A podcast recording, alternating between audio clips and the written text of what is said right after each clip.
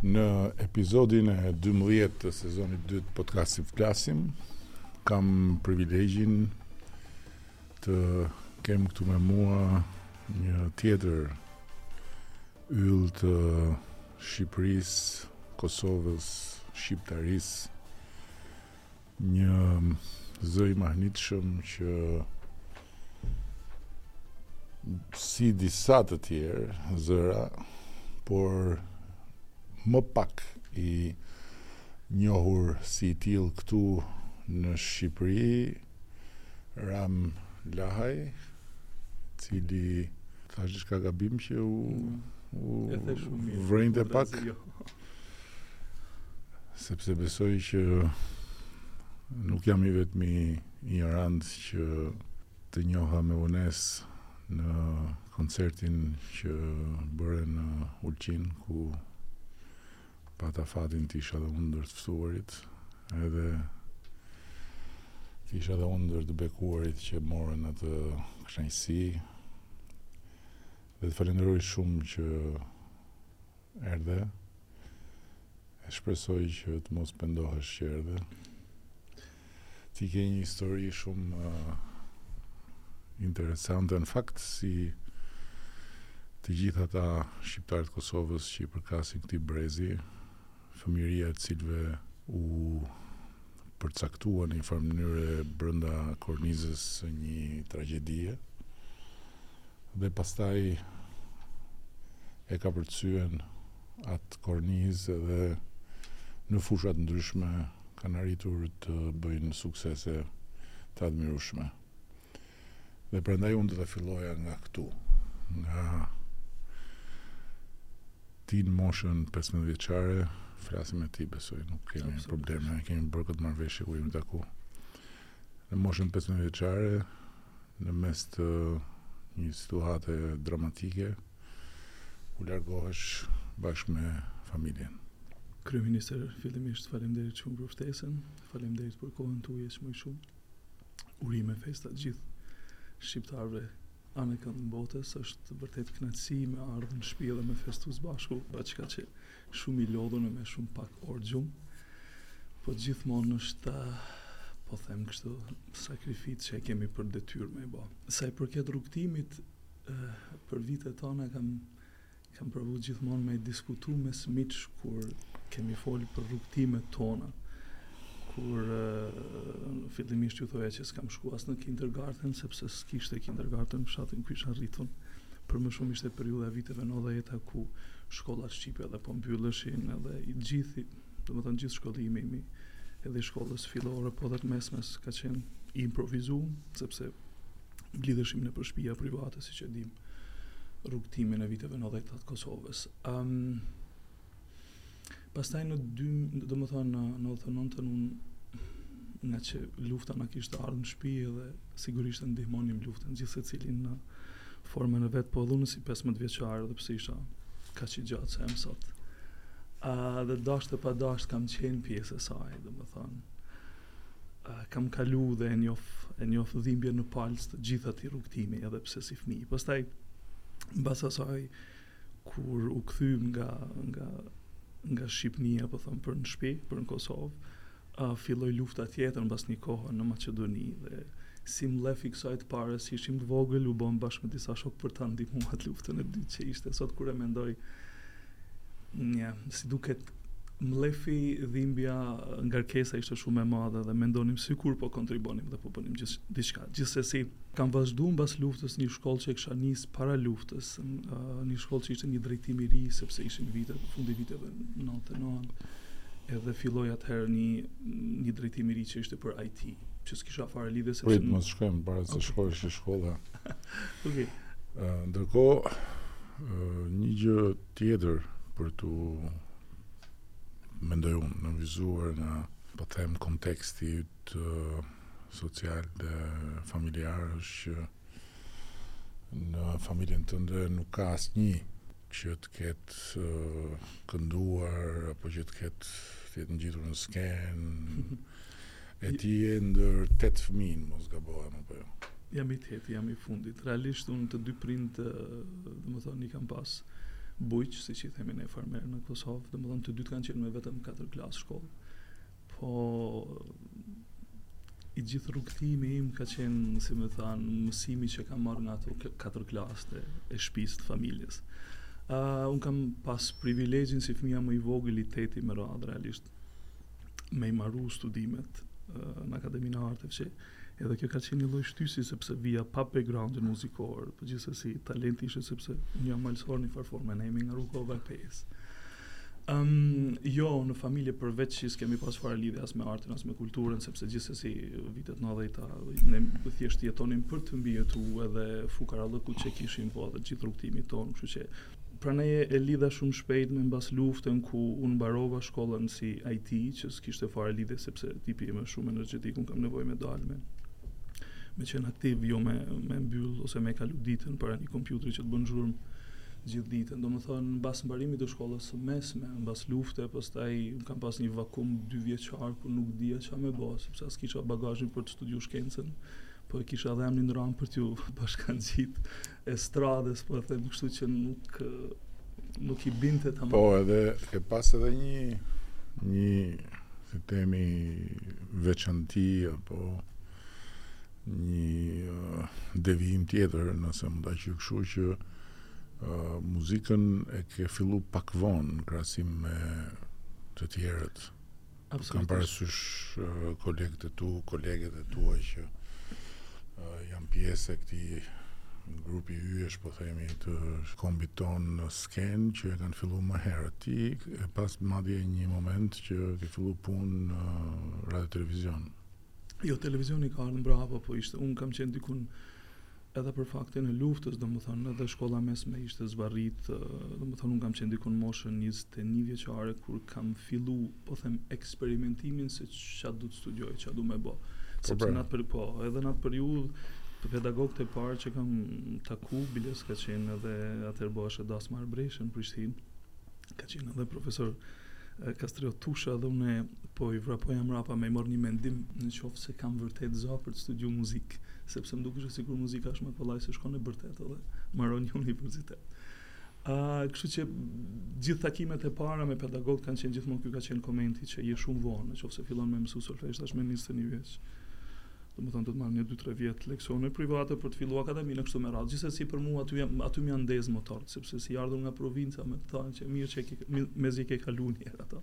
Po edhe me të thënë që nuk mund edhe nuk bëhesh në një farë forme intrigohesh edhe prekesh në sedër ku ti pastaj fillon edhe i ndez gjithë motorët edhe pastaj ky ka qenë si me thon momenti kyç uh, për fat të mirë kam gjetë mbështetje shumë të madhe në Akademinë e Arteve në Tiranë. Jam kurioz shumë Për momentin apo për mbase s'ka qenë vetëm një moment, mbase kanë qenë disa momente kur e ke nda këtë këtë dëshirë me bërtit me familjen. Çfarë si të kanë pa, të kanë pa sikur e humëm, e humëm këtë djalë që luftuam kaq shumë për ta bë Një, dy, tre, katër, pesë, gjashtë, shtatë, i teti, i vërteti dhe pastaj si reagun kur e ndave me ta këtë lajm kaq, kaq të dhimshëm.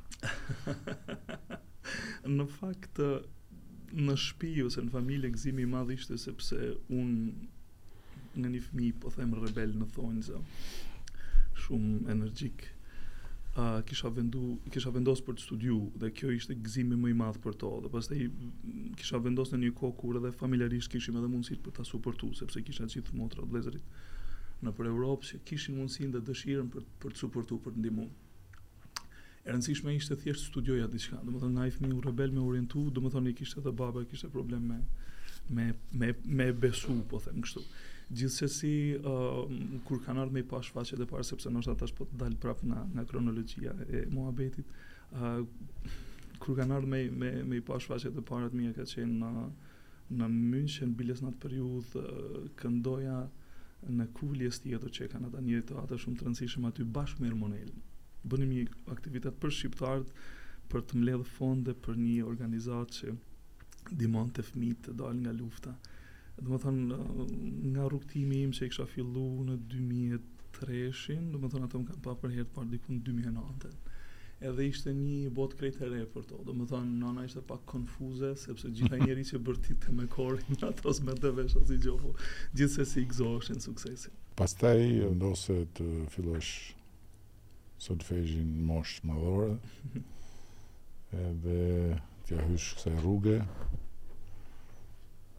kur fillove të ndjesh që kjo ishte gjëja? Në fakt, mbase kam dështu në audicionin e parë të Akademisë së Arteve, uh, për ato 3-4-5 mujë, sa kisha pas mundësi me punu me pedagog, qoftë pak në solfezh, qoftë pak në kanto, që unë jam edhe sot e kësaj dite shumë falenderus, sepse vërtet me marrë mu sot një, një, një talent i ri, me gjithë këto kualitete do ta kisha të vështirë, me gjithë forcen me, me suportu me gjithë ato mungesa në një moshë të tillë. Kështu që ka qenë mbas uh, dështimit të audicionit të parë të Akademisë së Arteve, pastaj jam fut audicioni i dytë ishte diku mbas 6-7 muajsh, nëse s'jam gabim edhe jam fut uh, studimit edhe në proces e sipër edhe ndihma po dhe vokali po zhvillohesh edhe për mu ishte akoma shumë Interesante me kuptu dhe me realizu si ni qenie humane mundet me nxjerr ni vokal që ishte, si me thanë, më shumë se sa normalja që unë e kisha dëgju.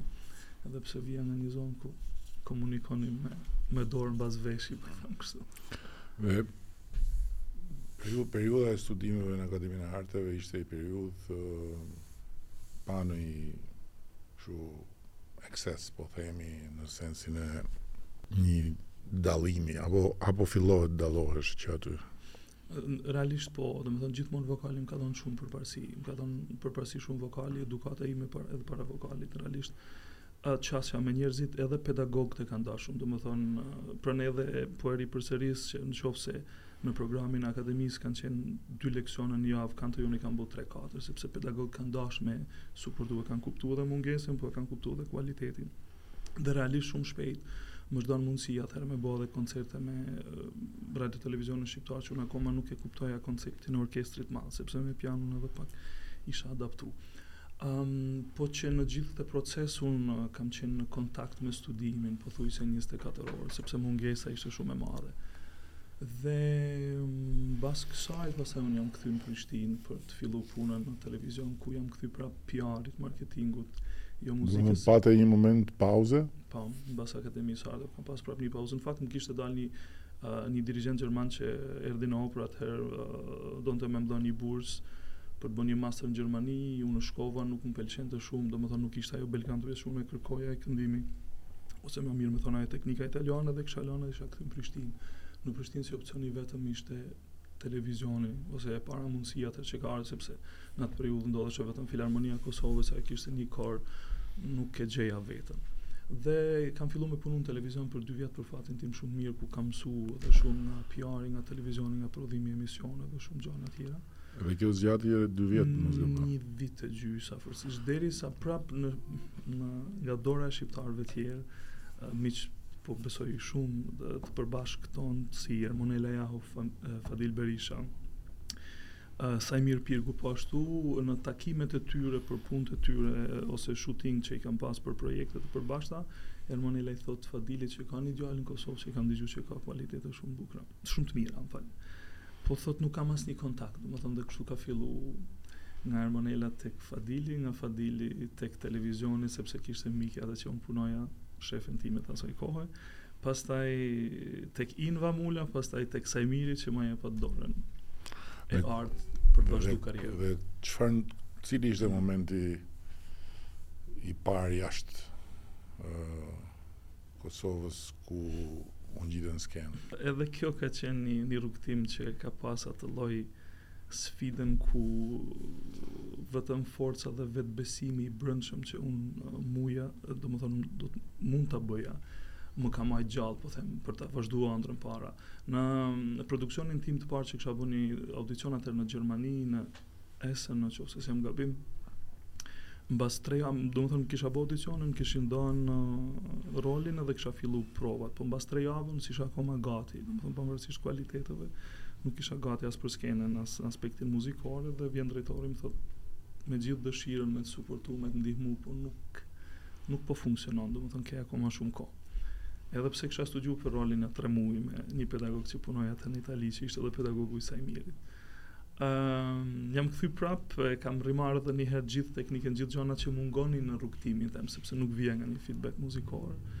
Edhe kam fillu në Gjermani prap, në një teatër më të vogël diku në Lübeck që është afër Hamburgut.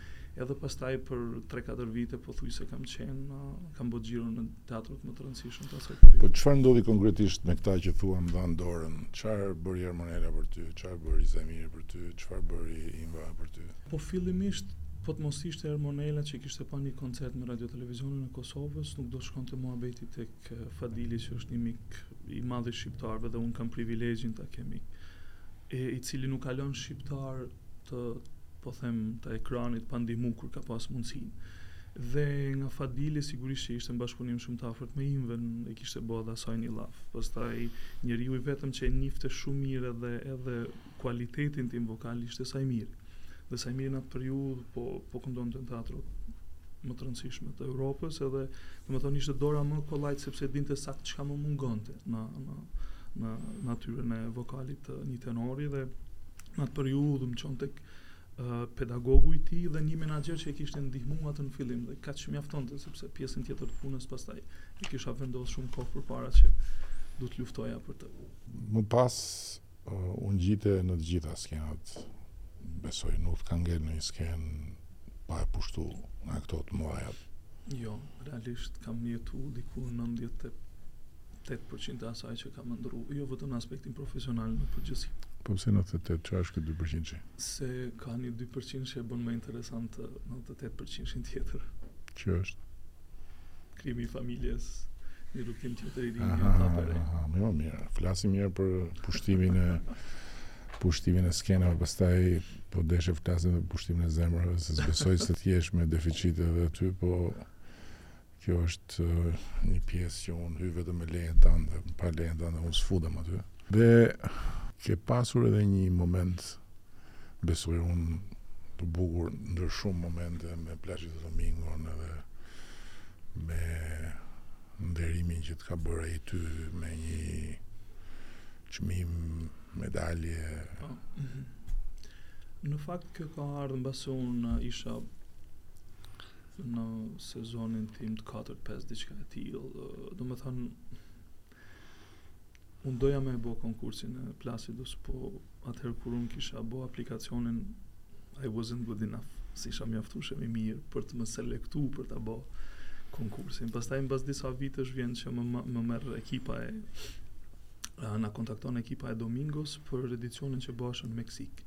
Operalia është pak a shumë për njerëzit që nuk e njohin shumë Botën e operës është si me thënë Oscari i filmit, domethënë është Operalia për botën operistike dhe um, realisht unë isha në sezonin tim të katër që kisha bo xhiron e teatrove që veç që më kishin dhënë mundësinë, pastaj um, privilegji ose eksperienca me Domingon ka qenë ajo që për 4 vite me radhë mbas Operalias 2016-ës në Meksik, ne kemi bo xhiron në gjithë botën duke bërë aktivitete bashkë.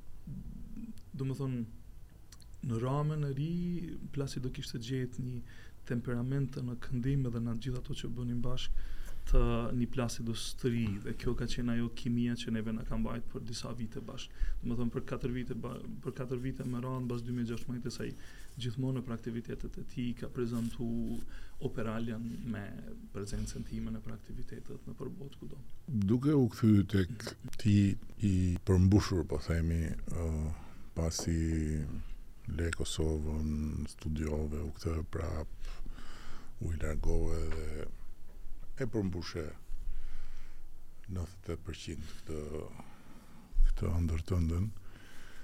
Um, në raport tani me vetë Kosovën, ka ndikuar apo jo kjo që ka ndodhë me ty për të nxit të tjerë atje, apo për të hap një shteg, sepse besoj që një nga efektet e këtyre shkëlqimeve të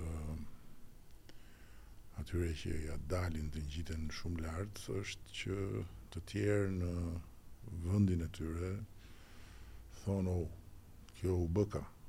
Edhe fillojnë dhe përpiqen që t'i t'i jo imitojnë, po t'i ndjekin.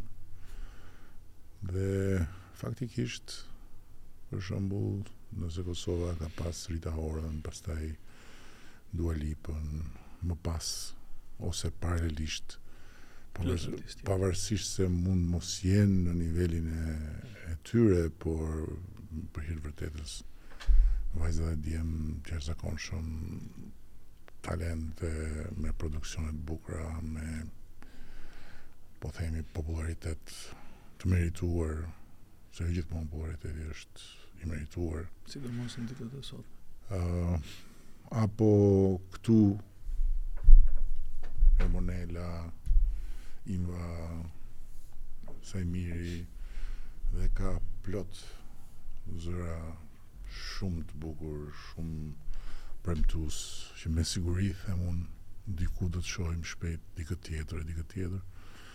Edhe kështu në sport ishte e paimagjinueshme përpara po themi 20 vjetësh që të shikoje një futbollist shqiptar të luante në Serie A në Itali, pastaj shkoi Igli Tare, filluan të tjerë, tani është është diçka e zakonshme të shohësh shqiptarë që luajnë në Serie A, pra Në në këtë fushë, në fushën e e muzikës lirike shikon diçka më shumë se sa ç'kishte kur ti dole kështu si si një uh, lule dielli në një arë me grurë sot ka një mjedis aty që zhvillohet absolutisht faleminderit shumë një fidanishte mm.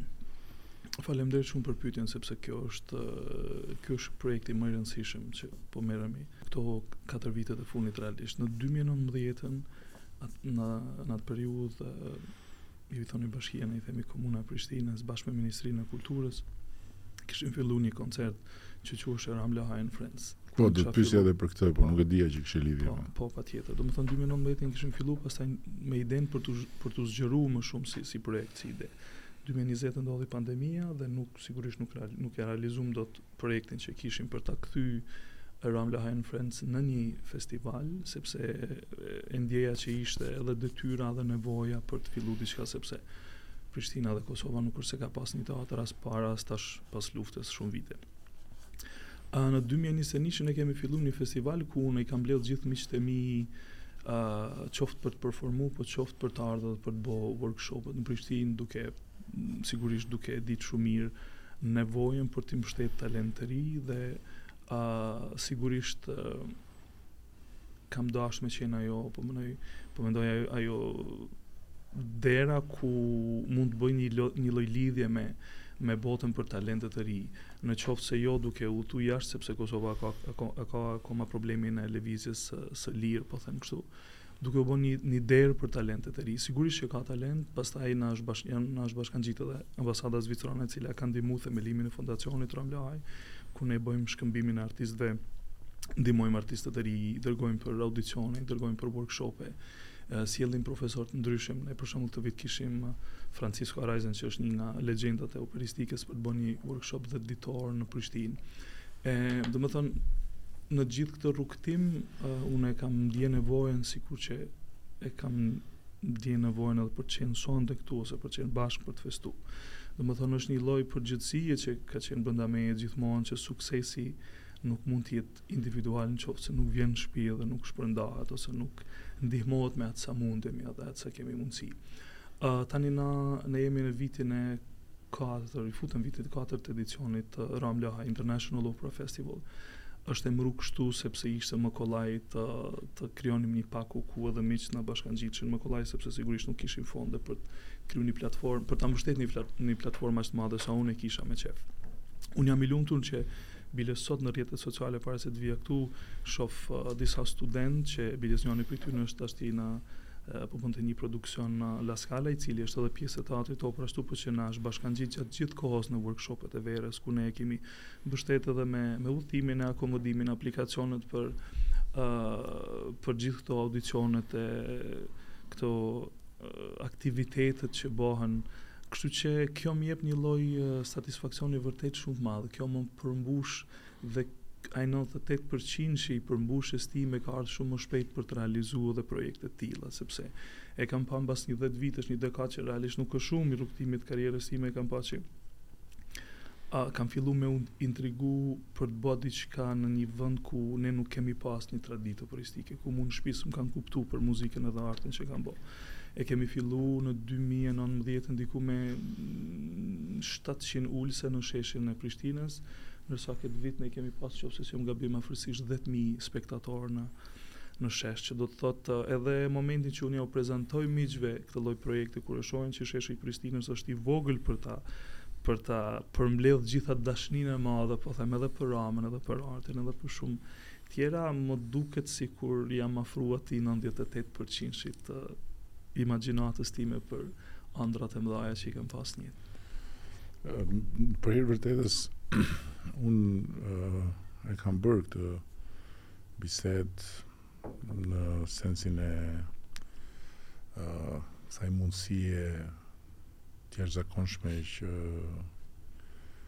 vjen si rezultat i arritjeve të disave prej jush me Ermonelën, por jo vetëm me Ermonelën, për të pas një një destinacion këtu në Teatrin e Operës, tani që edhe Teatri i Operës është rindërtuar krejt edhe është bërë vërtet një strukturë dinjitoze, ku uh, t'u jepet mundësia talenteve të reja që të vijnë të provojnë të, të fillimisht të dëgjohen nga nga ju edhe të marrin një shenjë vazhdo ose uh, mund të bëhesh si unë po ose mbase s'bëhesh dot si unë Për një mijë e një arsye po je i mirëpritur të kesh ndihmën time për sidoqoftë ta ushtruar këtë këtë pasion që ke etj etj. Pra një një destinacion shkëmbimi shkëmbimi sistematik me njerëzit që që ata i shohin nga ekrane, i shohin nga pasqyrat e telefonave në majën e suksesit edhe që kanë kanë nga një anë ëndrën që të bëhen si ata, po kanë edhe ëndrën që të mund t'i prekin nga afër të shofin që Edhe këta janë si ne, edhe uh, jo thjesht për t'u trajnu, po dhe për të digju pak se kjo nuk është e lehtë, sepse në momentin kur bëhesh të shofin gjithë, po deri kur bëhesh je vetëm ti përballë vetes, Edhe mes teje dhe ëndrrës është një det i tërë që duhet kalu në këmbë, që ka momente rrëzimi, e ka momente zhgënjimi, e ka momente kur i thu vetes mbase unë nuk jam fare për këtë punë, ka momente mërzie, dhe këto nuk, këto nuk t'i thotë skena. kur vjen dikush i ftuar apo me biletë të rezervuar më parë për të të parë ty apo tjetrën, tjetrën, tjetrin, shikon vetëm anën më fantastike, po nuk nuk shef asgjë. nga ato që ju keni kaluar. Dhe në këtë në këtë sens un them që do të ishte bukur që ta kishim një ta kishim një destinacion të tillë që mund të organizohej me gjithë ju, me periudha, me ditë caktuara, me një mjedis ku ata të rinjtë që vijnë të kenë prezencën tuaj nëpërmjet fotografive, nëpërmjet për shembull më ka bërë shumë përshtypje, ka qenë diçka shumë e bukur kur kam vajt në akademinë e Manchester City-t. Edhe tek salla e madhe e forcës aty ku bënin ushtrimet fëmijët, të rinjtë. Ishin të gjitha fotot e këtyre lojtarëve që tanimë janë në fushë për Manchester City-n dhe që kishin qenë fëmijë të vegjël në të njëjtën akademi dhe po tek ajo palestër. Pra, mesazhi i atyre fotove ishte shumë i qartë dhe shumë i fortë. Ti mund të bëhesh si unë. Kështu që besoj që uh, do ishte bukur, sepse patjetër që koncertet apo festivalet janë një janë një një ran, janë një gjë fantastike. I japin larmi jetës kulturore dhe sociale, se nuk është diçka që ndodh shpesh. që njerëzit mund të mblidhen në sheshin e Prishtinës apo në sheshin e Tiranës për të admiruar dikë prej tyre që nuk është një i rënë nga qielli, po është një i dalë nga toka dhe kjo është gjë e bukur, por një një sistem një çik më më i strukturuar për të përfitu nga, nga po themi, kjo fuqi që ju keni marrë tani, qoftë e impaktit të shembullit, qoftë edhe e eksperiencës edhe e aftësisë për t'ia kalu të tjerve, do ishte gjë shumë bukur.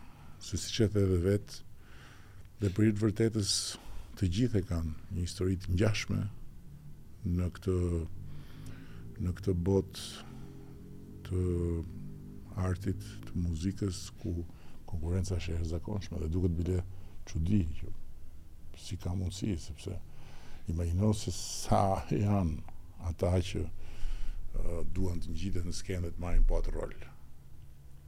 Dhe historia e secilit është historia e një takimi, e një e një dore që shtrihet në vendin e duhur në momentin e duhur thjesht një një reflektim i imi ky për ta për ta nda këtu absolutisht me që përmende teatrin kryeministër Unë e kam për detyrë të të falenderoj për gjithë atë punë të mrekullueshme që është bërë në teatrin e Operës. Projektin e parë që kam ë uh, biles një nga stafi juaj këtu po më thoshte që në kohën e pandemisë unë uh, kisha bë një ripërpunim të këngës Për ty atdhe dhe sigurisht që uh, introja, hapja e, e këtij projekti e kemi xhiru tek salla e teatrit Operës që s'ishte akoma krejt gati, po ne shfrytëzuam uh, uh, perdet uh, dhe atë një moment që na duheshe në, në backstage. Kështu që unë jam lumturu shumë me punën që është bo, sepse teatri duhet bo, është domethënë, uh, Shqipnia e ka gjithë ato yje në botën operistike, sikur që i ka në gjitha fushat tjera, tjera po sidomos për artin operistik. Domethonë, unë jam lumturu sepse është edhe shpia e gjithë ne artistëve. Um, Jam shumë dakord edhe e kam pa domethënë Ermonelën që vjen kohë pas kohe, po kjo ka qenë në fakt edhe një lloj shpagimi sepse unë po të mos ishin këto emra që ne i përmendëm, unë nuk do të isha këtu, domethënë nuk do të kisha këtë eksperiencë jetësore edhe profesionale. Domethënë dhe mbas një nuk m'është dashtë më shumë ego se sa një dekadë me përmbush pak atë atë ëndrrën që unë e kisha pas për për rrugëtimin e karrierës time edhe me u kthy mbrapa dhe me thonë ok ke ke këndu në Londër, ke këndu në Berlin, ke këndu në Sidnej, ke këndu gjithandej. Ç'a bën tash, i rikthehesh edhe një herë? Po ç'a mund të lesh mbrapa? A mund të kontribuosh sidomos në në Kosovë që ne akoma nuk kemi një teatër, ne akoma s'kemi një sallë koncertale. Domethënë tek unë ka nis si nevojë dhe si e kam ndje si obligim, si presion që duhet të fillojmë diçka. Për fatin tem të mirë, ë të gjitha institucionet pa përjashtim më kanë dhënë mbështetje në kësaj. Dhe ne patjetër që kemi bashkëpunim edhe me teatrin e operës TOB-in këtu në në Shqipëri, ë të gjithë artistët e rinj vijnë rregullisht në workshopet që bëjmë. në Prishtinë dhe e kemi në një farë forme përveç kësaj, përveç uh, moralit po them kombëtar, e kemi edhe uh, atë uh, përgjegjësinë profesionale për t'i dhënë edhe një boost sepse me me ardhen e internetit, uh, domethënë plot talent të ri konvertohen në trendin që e ka sjell bota online, që s'kam absolutisht asgjë kundër. Dhe unë e shoh plot herë që ka talent që janë, domethënë duke u referuar andej ku ne këndojmë edhe edhe tregut që ka e, bota operistike, ne takojmë talent në Prishtinë ose në Tiranë që janë janë gold nga kualitetet vokale, po nga koha që jetojnë, si me thënë, i ka bo lejzi, nuk dojnë më, sepse mund të jetojnë nga një kanal YouTube edhe pa, pa studiu 5 orë në ditë, siç bojmë ne zakonisht. Domethënë unë e kam një, e kam një të nevojshme, e kam një, një lloj përgjegjësie për t'i dhanë edhe një dorë të paktën me ato dy javë të aktivitetit që i ka festivali në në në Prishtinë. Dhe është në fakt është me të ardh keq që kur shef gjithë këto talente që ka një lloj nuk po e kuptoj pse ka një lloj nuk ka një lloj motivi siç e kem pasë tash po më duket vetja sikur i kam 70 vjeç po në periudhën unë domethënë gjatë gjithë kohës më kanë më kanë bombarduar me komentet që nuk bëhesh se je vonë dhe prapë ia kam dalë. Ndërsa tash ti, domethënë ka një lloj platforme, kemi edhe mundësinë për të mbështetur, sjellim edhe pedagogët aty dhe ti e shef që talentet e ri jeta e tyre është krejt okay, po ti shef që nuk e kanë atë entuziazmin për shembull me ardhë me pa një një superstar siç është Ermonela që vjen në Prishtinë, siç është Francisco Araiza që vjen në në në Prishtinë. Domethënë, ë um, unë pavarësisht trendit të kohës, ia kam dhënë vetes për detyrë me shty, me i dhënë edhe një edhe një dorë, po them, sepse e, e ndjej uh, e ndjej sikur kam nevojë me shpagu atë atë ndihmën që e kam marrë dikur dhe si pasojë e saj jam këtu. Kur uh, unë kam qenë adoleshent, që kam qenë edhe si gjithë adoleshentët e tjerë, po mbase edhe pak më pak më me thepa edhe me cepa si si person. uh, kur prindërit e mi Më thoshin kur ishim ne kur ishim ne ishte një nga gjërat që mua më tmerronte. Mirëpo natyrisht e kisha marzhin e kundërshtimit të kufizum dhe kur në fund detyrohesha që të dëgjoja kur ishim ne i thosha vetes Betohu që kurrë, kurrë nuk do të thuash kur ishim ne kur të bëhesh sa këta. Dhe nuk e përdor këtë gjë, por se të gjithë gjeneratat e kanë tendencën që të mendojnë se kur ishin ata i bënin gjërat me më shumë përkushtim, me më shumë vullnet, me më shumë vështirësi e tjera e tjera. Por sigurisht që çka mund të thuhet për gjeneratën e sotme dhe pa frikë është që gjenerata e sotme e re jeton në një botë krejt, krejt, krejt të re në aspektin e shpejtësisë së komunikimit edhe të presionit marramëndës të imazheve, të lajmeve dhe të asaj pasqyrës së telefonit ku të krijohet ideja që gjithçka që del në atë pasqyrë është diçka që të përket, diçka së cilës ti i përket. dhe gati gati nuk e shef më dot diferencën midis gjithë asaj shfaqjeje të madhe dhe marramendëse imazhesh të suksesit, të pasurisë, të shkëlqimit, të konsumit, saqë bëhet realisht problem që të ulësh kokën edhe të punosh sistematikisht përditë. e përditë e përditë dhe të pranosh të gjitha ato sfida dhe të gjitha ato vështirësi që të vë përpara dëshira për të realizuar një ëndërr të madhe. Kështu që në këtë sens uh, është uh, diçka që bëhet bëhet edhe më e vështirë për ata që duan të japin diçka, siç jeni ju apo siç janë trajnerët e sporteve apo siç janë mësuesit, pedagogët nëpër aula universiteti. Megjithatë, unë besoj që në fund fundit ata që e kanë atë Pluhurin e yjeve mbi supe që jua ka hedhur natyra, zoti mbi supe atë materien e rrallë të, të, të, të talentit në momentin që që lidhen me të që e ndjejnë atë janë të gatshëm që pastaj t'i t'i hedhin ato hapa dhe uh, Duke qenë se se se jemi këtu, duhet të shtoj edhe diçka që realisht mua më vinte shumë zor kur hyja në atë teatër. Edhe ai teatër ka qenë prej shumë vitesh aty. Por kur unë isha nxënës në liceun artistik ose student në akademinë, atëherë Instituti i Arteve, dhe që shkoja herë pas here për koncerte, ne ishim ne s'kishim pika referimi, s'kishim pika krahasimi dhe ai dukej një, një gjë shumë e veçantë. E megjithatë ishte në një farë mënyre i mirëmbajtur në atë varfërinë e vet. Pastaj mbasi ndryshuan kohërat edhe mbasi ndryshoi sistemi, ai teatër filloi të degradojë në një mënyrë të frikshme.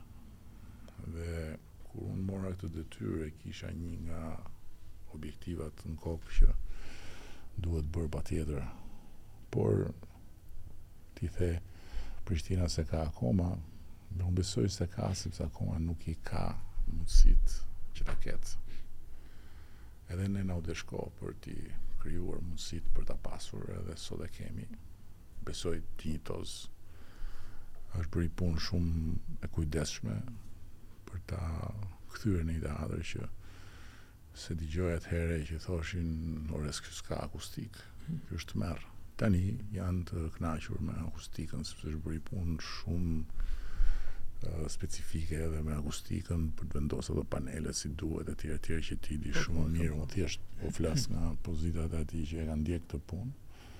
Dhe ishte një si lloj uh, heqje nga nga vetja e një borxhi që nuk është se ishte borxhi im, por ishte, unë isha pjesë e atyre që e kishin mbartur këtë borxh, mhm. edhe që nuk e kishin kthy për njerëz si ju, apo për shumë kënd tjetër që ka dalë nga barku i atij teatri dhe pastaj ka shpërthy nëpër botë ose edhe që nuk ka shpërthy nëpër botë, po në atë teatër i ka dhënë publikut emocione edhe i ka dhënë cilësi, kualitet jete në ato orë që që publiku e ka ndjekur. Dhe ë Kur shkonim në teatër me Lindën, babai i saj ka qenë ka qenë orkestrant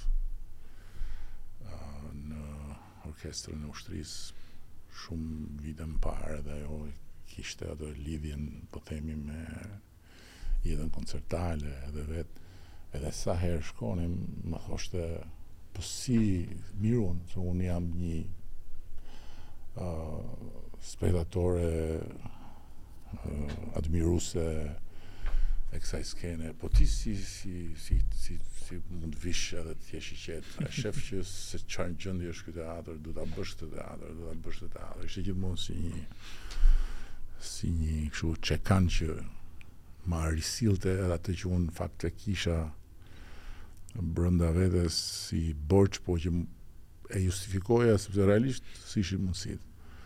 Dhe të njëjtën ndjesi të tmerrshme, kam pas kur çum çunin e vogël me Lindën tek teatri i kukullave. Në fakt ishte një lloj kurthi, sepse ata shkonin herë pas here bashkë, po më morën dhe mua, pikërisht që unë të hyja atje dhe të shikoja atë që kishte qenë teatri i fëmijërisë time, a ishte La Scala e fëmijërisë time teatri i kukllave dhe kur kam hyrë aty jam tmerru fare dhe thashë nuk mundet, nuk mundet, nuk mundet, duhet patjetër. Edhe ky është një borxh tjetër që që edhe besoj do ta do ta shlyjmë së shpejti sepse ka fillu puna për ashtu për teatrin e fëmijëve ashtu edhe për teatrin kombëtar. Por këto janë uh, investime realisht uh, të rënda dhe jo në thonjëza. për vende si tonat, që duhen bërë patjetër. Se shumëkush ka tendencën të thotë, ç'na duhet ne teatri, ne s'kemi këtë, ne s'kemi atë, po ç'na duhet, po ne s'kemi. Në fakt, ato që sjell edhe për për edhe për bukën, si i thonë se këtu Është ajo shprehja, ne s'kemi bukë, ju merreni me këtë, ju merreni me atë, ju bëni ju bëni sheshe, ju bëni ndriçime, ju bëni fasada, ju bëni këto.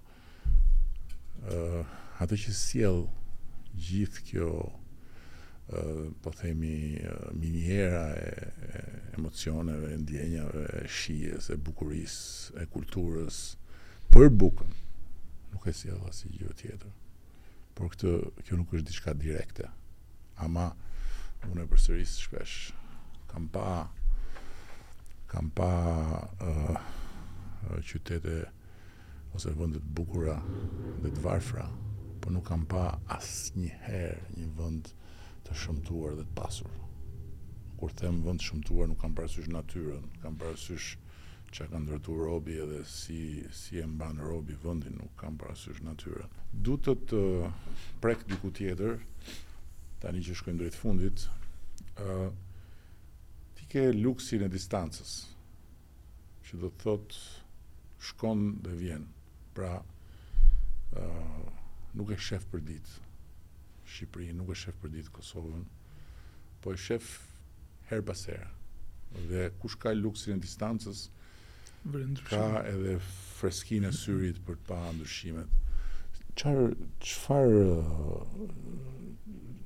ndjesie ke sot nga Shqipëria dhe nga Kosova, nga Tirana, nga Prishtina, apo dhe nga qytetet e tjera, se e di që ti edhe bredharak pak si natyrë. Uh, dhe sa të, sa të mbush dhe sa të jep dëshirën që të jesh kritik kur bën krahasimin e të sotmes me ku që kur e mban mend, që kur ke qenë këtu në Akademinë e Arteve, apo kur ke qenë tani s'po krahasojmë kur Prishtinën sot me Prishtinën e luftës. Po. Por gjithsesi, Para para se t'përgjigjem tek tek kjo pyetje, do të do të ndërlidhesha me atë presionin që të është bë ty, që është bë ju dikur, qoftë nga familja, qoftë nga komuniteti i artistëve. Ë uh, për t'i rinovu, apo për t'i rindërtu këto teatro, të njëjtën gjë provojmë ne me bë me koncertin dhe me festivalin, sepse fakti që Prishtina e ka afërsisht dhjetë mijë spektatorë për një koncert që e bëj unë me miqtë e mi, kjo do të thotë që është sinjali më i qartë ose mesazhi më i qartë që qyteti ka nevojë për një sallë koncertale, qyteti ka nevojë për një teatër ose ka nevojë për një sallë e cila është multifunksionale, e cila do t'i kishte nën ombrellë pastaj gjitha edhe teatrin edhe baletin edhe filarmoninë edhe gjitha me radhë. Unë besoj dhe du të besoj dhe du të bëj presion në atë drejtim që pavarësisht kushteve të Kosovës, Nuk mund të vazhdojmë tutje pa pasë një sallë të paktën multifunksionale e cila është një pikë takim për qytetarët. Nuk mund të rrimë në shesh dimnit, nuk mund të bëjmë aktivitete në shesh dimnit. Ëm, ndërsa për t'u për t'u përgjigj tek pyetja tjetër, Ne mramë ishim bashkë me edhe me kryetarin e bashkisë edhe gjatë kohës që po lëviznim nga nga pozicioni në pozicion unë domethanë nuk, nuk, po, nuk po e njifja ma Tiranën. Tirana ka Sa kohë kishe bërë? Uh, realisht, kur kam qenë herën e fundit për një projekt tjetër, ndoshta nga vera, po sa herë do që vij jam gjithmonë me nxitim, po e kam pa pak edhe, edhe jugun, edhe gjithë infrastrukturën, andej. Duke mos qenë prezent ne plot herë gjykojmë nga informacionet që i marrim nga ajo pasqyra që ju po e quni telefon. Duke mos qenë prezent dhe duke mos e jetu atë plot herë gjykon mbi atë që të ofrohet, sepse je në Londër dhe shef një lajm ku dikush për një interes të caktum ka një lloj orientimi apo paragjykimi për atë lloj lajmi. Kështu që ajo çka unë e shof në të vërtetë është shof një Tiranë që është zhvillu shumë, shof një Tiranë që ka marrë formatin e një metropolit. Dhe ky trend, domethënë i zhvillimit, sidomos në Shqipëri, neve na e mbush zemrën plot, neve na na bën shumë krenarë. Thjesht gëzohem kur uh, Kur shoh gjithë këtë zhvillim që po ndodh, qoftë në infrastrukturë, qoftë në në gjithçka tjetër që nuk sillet vetëm rreth Tiranës, po gjatë gjithë rreth gjithë Shqipnisë, domethënë, edhe në pikën më të fundit atje që dikur kur e bënim gjatë studimeve 2004-5 me dashtë me shku në Dhërmi, domethënë duhej me llogaritë që duhet me udhëtu një ditë e gjysë. Po Prishtina? Prishtina po merr një frymë të re kohëve të fundit me mundësitë që i ka sigurisht. ë uh, dihet, domethënë ju ju ma herët ma ma herët e cekët që ndoshta Prishtina dhe Kosova akoma s'i ka mundësitë. Po unë po besoj me ato mundësi që janë ndryshimet mund të bëhen. Ndoshta janë më të mëdha, po ndryshime mund të bëhen. Dhe unë po besoj që edhe në Prishtinë, edhe në Kosovë ndryshimet po bëhen dhe unë shpresoj shumë që Duke bo gjithë ne presionin nga fushat që vijmë, si unë me atë që dalim në sheshe dhe i them gjithë sheshit edhe thras edhe kryetarin e kryeqytetit, edhe i them okay. Një Ramë tjetër. Po një Ramë tjetër. Edhe i them që okay, i kemi bë dy llafe bashkë dhe më ke thënë që teatri do ndërtohet. A ka mundësi me na e thon këtu në shesh para të gjithëve që teatri, domethënë, salla koncertale do ndërtohet edhe kur do ndërtohet. Domethënë, Edhe mes miqsh vazhdojmë atë presionin konstant për t'i çu proceset përpara, sepse përndryshe jemi shumë vonë. Eh, i keni bërë, po i kemi bërë në kohën e poezisë, se unë e quaj kohë poezie fushatën elektorale, pastaj fillon proza e qeverisjes edhe aty pastaj dalin një mijë e një probleme që është e vështirë me sidomos në një periudhë të parë kur fillon një proces transformimi, me akomodu edhe poezinë brenda, po unë unë kam unë personalisht uh, kam uh, shumë respekt për atë Ramën tjetër edhe nuk e kam njoft nga afër, jam taku, po kemi qenë bashkë në Malci, mbas mbas uh, koncertit edhe e kam ndjek jo shumë, po e kam ndjek herë pas here në uh, ato idetë e tij edhe Është është një person i mirë edhe që që ka dëshirë, që ka ambicie. Nuk e di sa e ka kokën e fortë, sepse pa kokën e fortë është shumë e vështirë. Por kam besim edhe shpresoj që do të do të bëjë ndryshime, do të bëjë ndryshime. Absolutisht të gjithë po e mbështesim, domethënë, të gjithë po e mbështesim edhe po provojmë me ja gjet atë fortësinë edhe kur po na dorëzohet kohë pas kohe. Por është është e vështirë, shumë e vështirë që të mos që një kryeqytet edhe Tirana sot do ta kishte të pamundur të ndërtonte një teatër. apo të ndërtonte një stadium, apo të ndërtonte një çfarëdo qoftë, vetë si komunë, si bashki. Absolutisht. Duhet më shumë se kaq. Shtetin qendror. Duhet më shumë se kaq dhe unë besoj që që Kosova është si puna e borxheve që thashë. Kosova ja u ka borxh futbollistave një stadium dhe artistave të jashtëzakonshëm që ka një skenë që siç e the mund të jetë madje unë dikur në kohën kur isha Ministër i Kulturës për ato kushte atëherë Unë mendoja që ne kishim të mundur të kishim edhe një teatër të ri, edhe një teatër uh, lirik të ri dhe uh, ka plot shembuj edhe shumë mirë ku bashkohen bashkë teatri prozës edhe teatri i muzikës lirike dhe kanë një program mix. Kështu që për këtë kam insistu gjatë gjithë kohës. Nuk nuk është absolutisht diçka e ka ka në, në kryeqytetet e Evropës ka teatro të tillë në qytete të famshëm për absolutisht këto tradita ka teatro të tillë. Janë auditoriume që sepse sepse janë kosto, janë gjithsesi. Ë uh, në në mbyllje, meqë Meqë e preke vetë, se unë s'thashë gjë. Okay. këtë hallin e 2%-shit. si të ka ecë përgjithësisht kjo pjesë me pushtimet e zemrave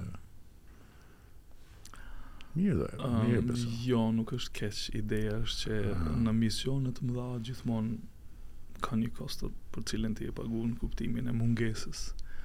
A uh, unë po besoj që energjitë është pothuajse e pamundun të të kenë të njëjtin intensitet në çdo lloj damarit të, po them, të jetës. Kështu që ky 2% që nuk është shumë shqetësues, sa është i rëndësishëm të jetë një prej ë uh, po them nuk qenke që nuk qenke në nuk qenke në fazë që i, që je n'dashni se po të ishe n'dashni jo. nuk do bëje filozofi edhe se dashnia nuk të le të bësh filozofi edhe kaq nuk po e zgjas këtë pjesë por po jam e bindur që është fazë kalimtare do jesh n'dashni së shpejti se të shof në sytë që në qoftë se quhet fazë kalimtare atëherë paskam 20 vjetë në proceset si për jo ke qënë po Ke ra cekët. Duhet duhet të presësh me me durim që të bish thellë. No?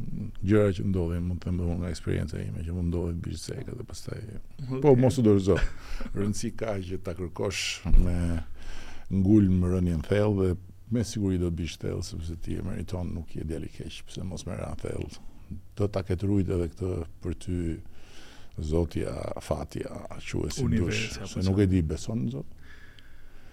Në fakt unë vij prej një familje ku babën e kam pas haxhi, siç i themi ne në Kosovë, ai jam kam dalë prej shpie dhe kam marrë në shpi duke e pa, duke u lut me ritualet e tij, po në aspektin e besimit ka qenë shumë i hapun. Domethënë unë edhe pse jam rrit në një provincë ku bajramet edhe festat e muslimanëve janë janë festu në një formë shumë fanatike, Unë nuk jam zgju asnjëherë nga gjumi nga baba sepse duhet me shku në xhami në orën katër të mëngjesit për bajram. Domethënë ka pas një qasje fantastike sa i përket fesë, domethënë ku mu më ka lanë të lirë me u rrit edhe me vendos. Besoj në Zot, besoj në karmë, besoj në univers, besoj verbërisht në energji, kështu që kam një miks të, tash po Po e zbus pak të xhamisë dhe të kishës. një nga gjërat më të bukura që un un kam pa në, në sidomos në interior është xhamia e, e Abu Dhabit. Po, është një mrekulli. Gjithmonë mbas Shën Sofisë, sepse për mua Xhamia Blu është diçka e mahnitshme, është diçka e mahnitshme. Edhe është një moment në një film, në një film Serial, nuk e di a ke pa. Ottomans. Mm. Ottomanët. Është një film, mm. është një dokufilm. Pra, dokumentar, por me aktor. Uh, është një moment i jashtëzakonshëm kur hyn uh, Mehmet Fatihu në në Shën Sofi pas marrjes së Kostandinopojës Edhe ka një një kështu një realisht është shumë moment i bukur edhe ndoshta e kam përjetu dhe unë në mënyrë të veçantë sepse më lidhet me atë atë moment historisë së së otomanëve që më pëlqen shumë më pëlqen shumë ajo pamja e, e, drama, e dramaticitetit dhe kur urdhëron që Shën Sofia të lyhet me të bardhë në lartësinë e njeriut dhe që do të thotë mos preket asgjë mbi lartësinë e njeriut dhe bën kompromisin që në lartësinë e njeriut që vjen për t'u për t'u falur në xhami dhe që ulet Nuk ka imazhe, pra është kompromis me me atë kultin islam dhe si duhet të jetë xhamia pa imazhe, ama lart nuk e prek. Është diçka fantastike. Kryeministër, më fal se nuk mendova që do diskutojmë edhe për kishat Xhamit edhe pse s'ka absolutisht asnjë gjë. Unë mendova po ti më po. dole çun hoxhe. jo, ideja është këtu. Ë desha me me me ripotencu edhe një herë sepse në Kosovë ka një lloj trendi ku shoh më shumë xhami se sa po them kindergarten, kopshte, ë shkolla fëmijësh. Domethënë ka një lloj tendence e cila është e panevojshme. Këtu u lidha pastaj për ta tregu sa i rëndësishëm ka qenë rrugëtimi në raport me besimin thjesht për faktin që kam qenë i lirë me me Shu, me, me, me unë unë, uh, personalisht nuk shoh uh, problem në ndërtimin e xhamive apo të kishave të reja, unë shoh problem në estetikën e tyre. Se për shembull uh, është xhamia e Plumbit në Shkodër, Që është një një një krye, është një një një domethënë nga pamja arkitektonike, ajo është një është një kryevepër. Domethënë pa diskutim, domethënë është moderne. Aq sa është uh, klasike, është uh, vepër arte me një fjalë. Apo xhamia e Beratit është një tjetër gjë e mahnitshme domethënë ka plot raste ku ti thua shyqyr që zoti dhe fati i ka shpëtu nga ajo dora e llahtarshme e shkatërrimit të fundviteve 60 këtu në Shqipëri pastaj ka raste ku shef investime që bëhen dhe xhami që mbillen pa një sens estetik. Dhe kjo është shumë e rëndësishme, sepse uh, e bukura uh, është gjëja më e rëndësishme, sipas meje në jetën komunitare dhe prania e të bukurës absolutisht bën diferencën dhe shija estetika ë domethënë ti mund të kesh 1001 paragjykime dakord për një xhami po kur je përballë një xhamie të bukur aty këputesh që do të thotë që do që do të thotë problemi nuk është xhamia në vetvete Problemi është si është ndërtu dhe çfarë të thotë. Dhe për mua është shumë e rëndësishme që çdo objekt kulti që ndërtohet, se s'po të hy tani të tregoj problemet që kam pas unë dhe polemikat që kam pas me, në këtë fushë me aktorë të ndryshëm uh, është uh, Absolutisht e rëndësishme të mos harrohet se një objekt kulti brenda ju shërben besimtarëve por në pra, me prania e tij dhe pamja e tij është është imazhi i qytetit i shërben të gjithëve dhe edhe një ateist apo dhe një i një feje tjetër duhet të gjejë duhet të gjejë një gjë që e lidh, që e tërheq, që e ngjit me me me atë objekt. E po se do fillonte biseda me ty për për operën dhe për Plaçido Domingon unë këtë e dija, po se do mbaronte për arkitekturën e xhamive, kjo ishte një nga surprizat më të bukura të këtij podcasti. Unë të falenderoj shumë, je absolutisht i denjë për një zhytje të thellë dashni. Thjesht prite dhe do të vijë. Faleminderit shumë. Ky ishte ky ishte Rama tjetër, më i mirë se sa Rama që Përgjithësisht ju vjen në mendje kur dëgjoni emrin Rama. Faleminderit shumë.